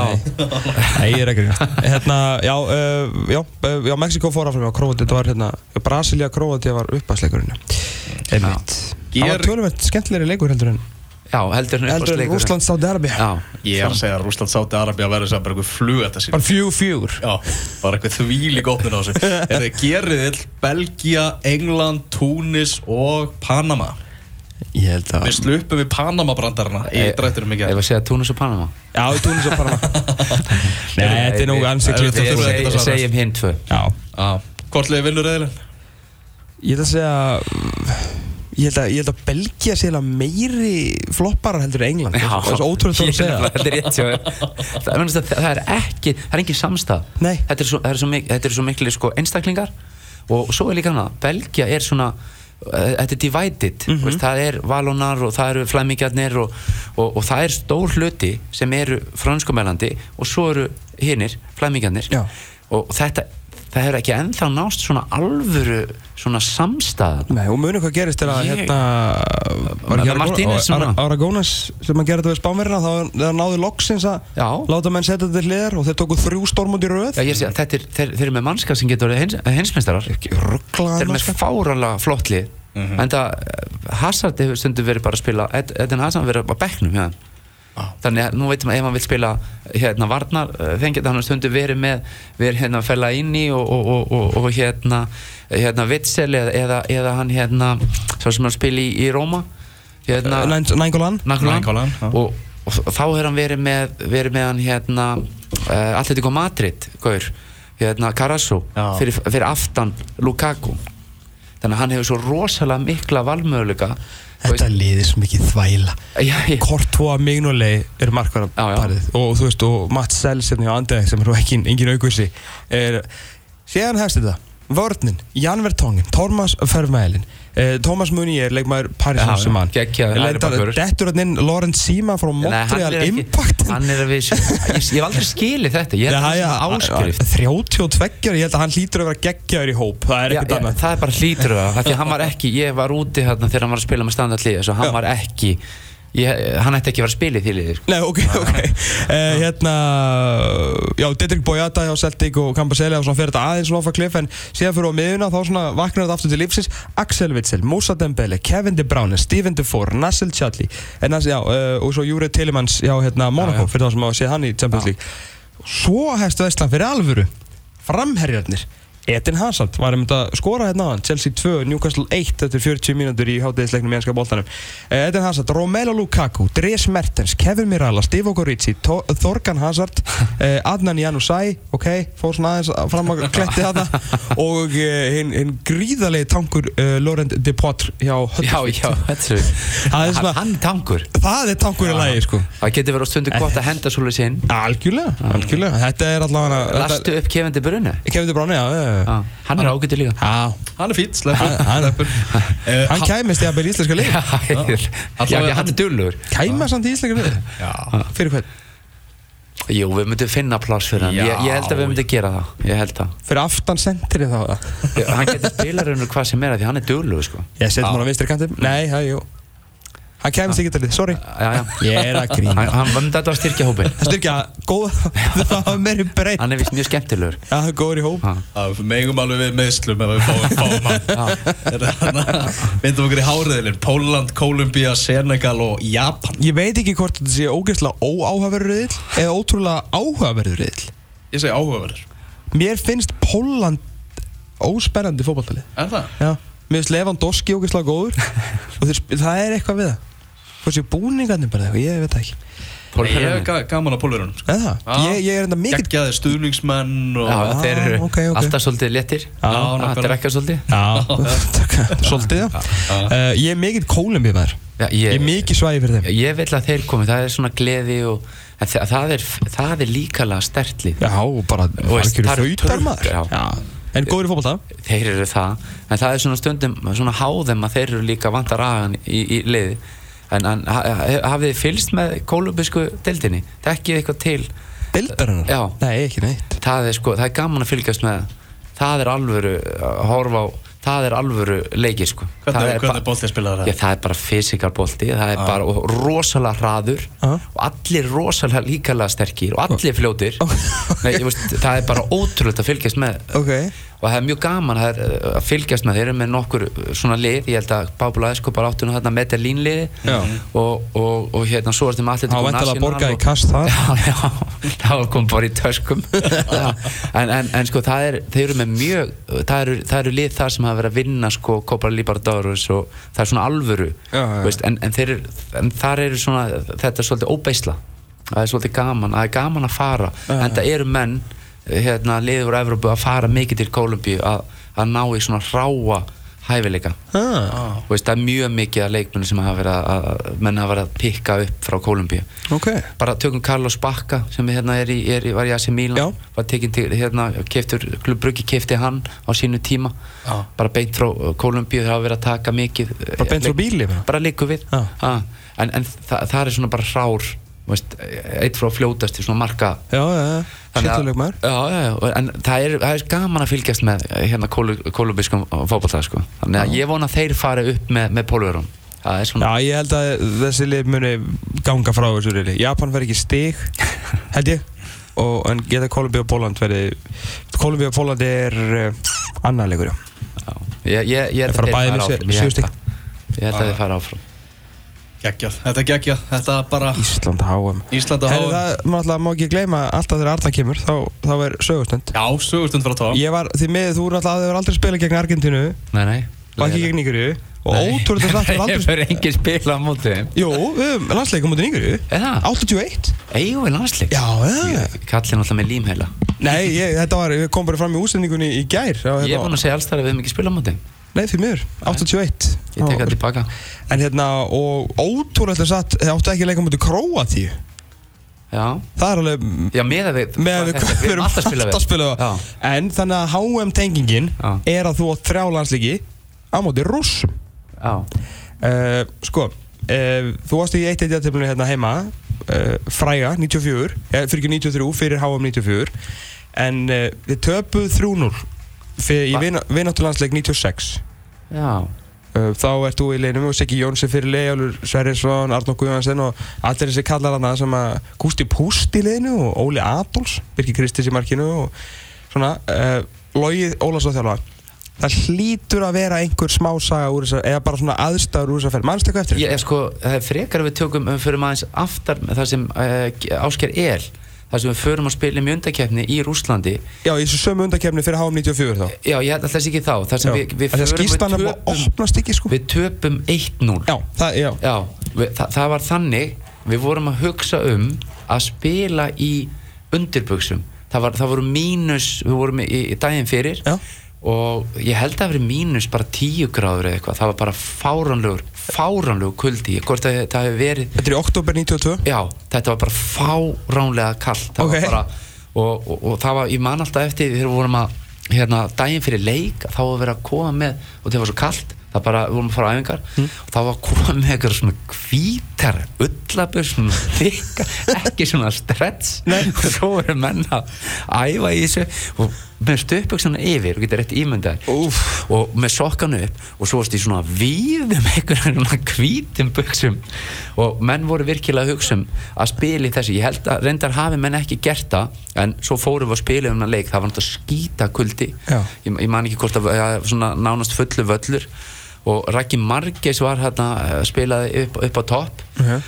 og var raunar svolítið svona eh, e, e, eiga hérna upp á topp að við vorum í, í smá eh, eins og, eins og ofta tíðum að þá erum við náttúrulega í, í vörd svolítið mikið. Við vorum, vorum svolítið mikið í vörd þarna. En náðum að halda í hans í langa tíma með minni mér sér stöðinni 0-0 þá hafum við náð einn eða tveimur sóknum áður en þeir skora og, og einn af þeim að því að Rækki Margis var náttúrulega rosalega líkala sterkur og gætt haldi og mjög sterkur að halda að hann hafi náð þarna einu sinna að snúa af sér ykkur 1-2 og setja hann í stöngina.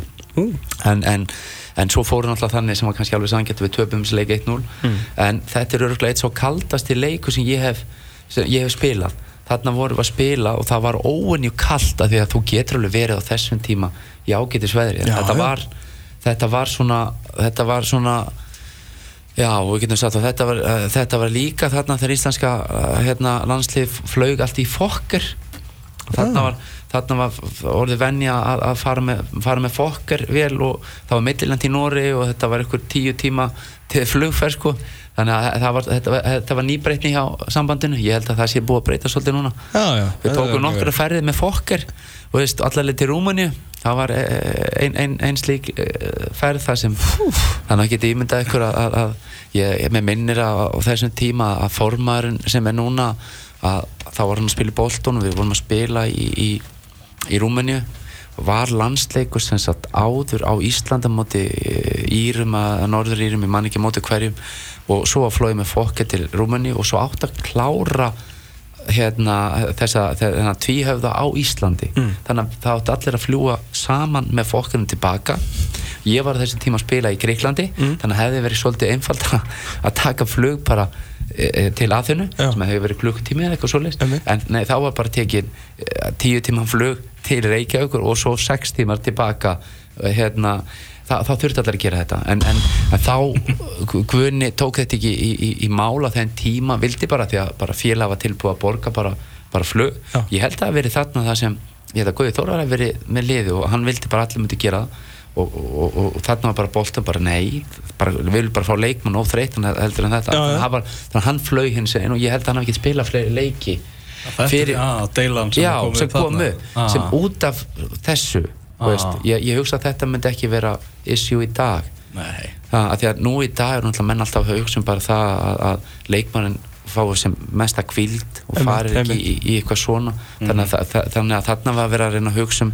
að mynda eitthvað lið og, og, og, og ég, ég skil kannski alveg hvað að vera að gera en þarna var samt þarna hefði menn átt að aðeins að þetta, uh, þetta er ekki alveg nógu gott að þessu, þú veist, að, að reyna að búa til einhverja, einhverja, einhverja liðs Nei, nei, nei, nei, nei. menningu, sko, en þannig að fórum menn aðeins yfir striki í þessu en, en, það er breytið tímið Það maður er bara tími, já. Nú er bara, er ekki, flugar ekki bara líka í, í, í svona, er ekki bara, ég er ekki að segja enga vel, en það er svona bara, bara charterflight eða svo Jú, ef, ef, ef að, það þarf fyrir Þeir eru Já, að koma heim eftir já. útileik eða fara í þá er, þá er bara tjartir sko. Já, en, en þetta náttúrulega skiptir. Þetta skiptir öllu máli. Skiptir máli. Og þannig er eflust líka þeir sita eflust í, í betri sætum Jú, jú. geta halla sér og kvilt sig og, og þetta skiptir allt máli Algjörlega. Litlu aðriðin, var ekki Óli Stef með litlu aðriðin litlu Alltaf, Núansarnir núastannir Núansarnir Já. Sko. Það er bara það er bara það sem skilur á milli. Algjörlega. Heru, Við erum búin að vera hérna í drjúa tíma að tala um HM og búin að beigja fram og tilbaka já, hingað og svona þangað. Þannig er bara að virka. það svona, svona virka fótballtarspjall, það er bara þannig. Það er bara alltaf verulega gaman að fá þig. Gaman að koma til ykkur drengir. Það gælaði fyrir það, við ætlum að heyra meðal annars í leikreinanda Íslands Frey Alexandersinni hérna á eftir, hann fær það verkefni að, að skoða argentínska landsliðið fyrsta mótari okkar á HM í Rúslandi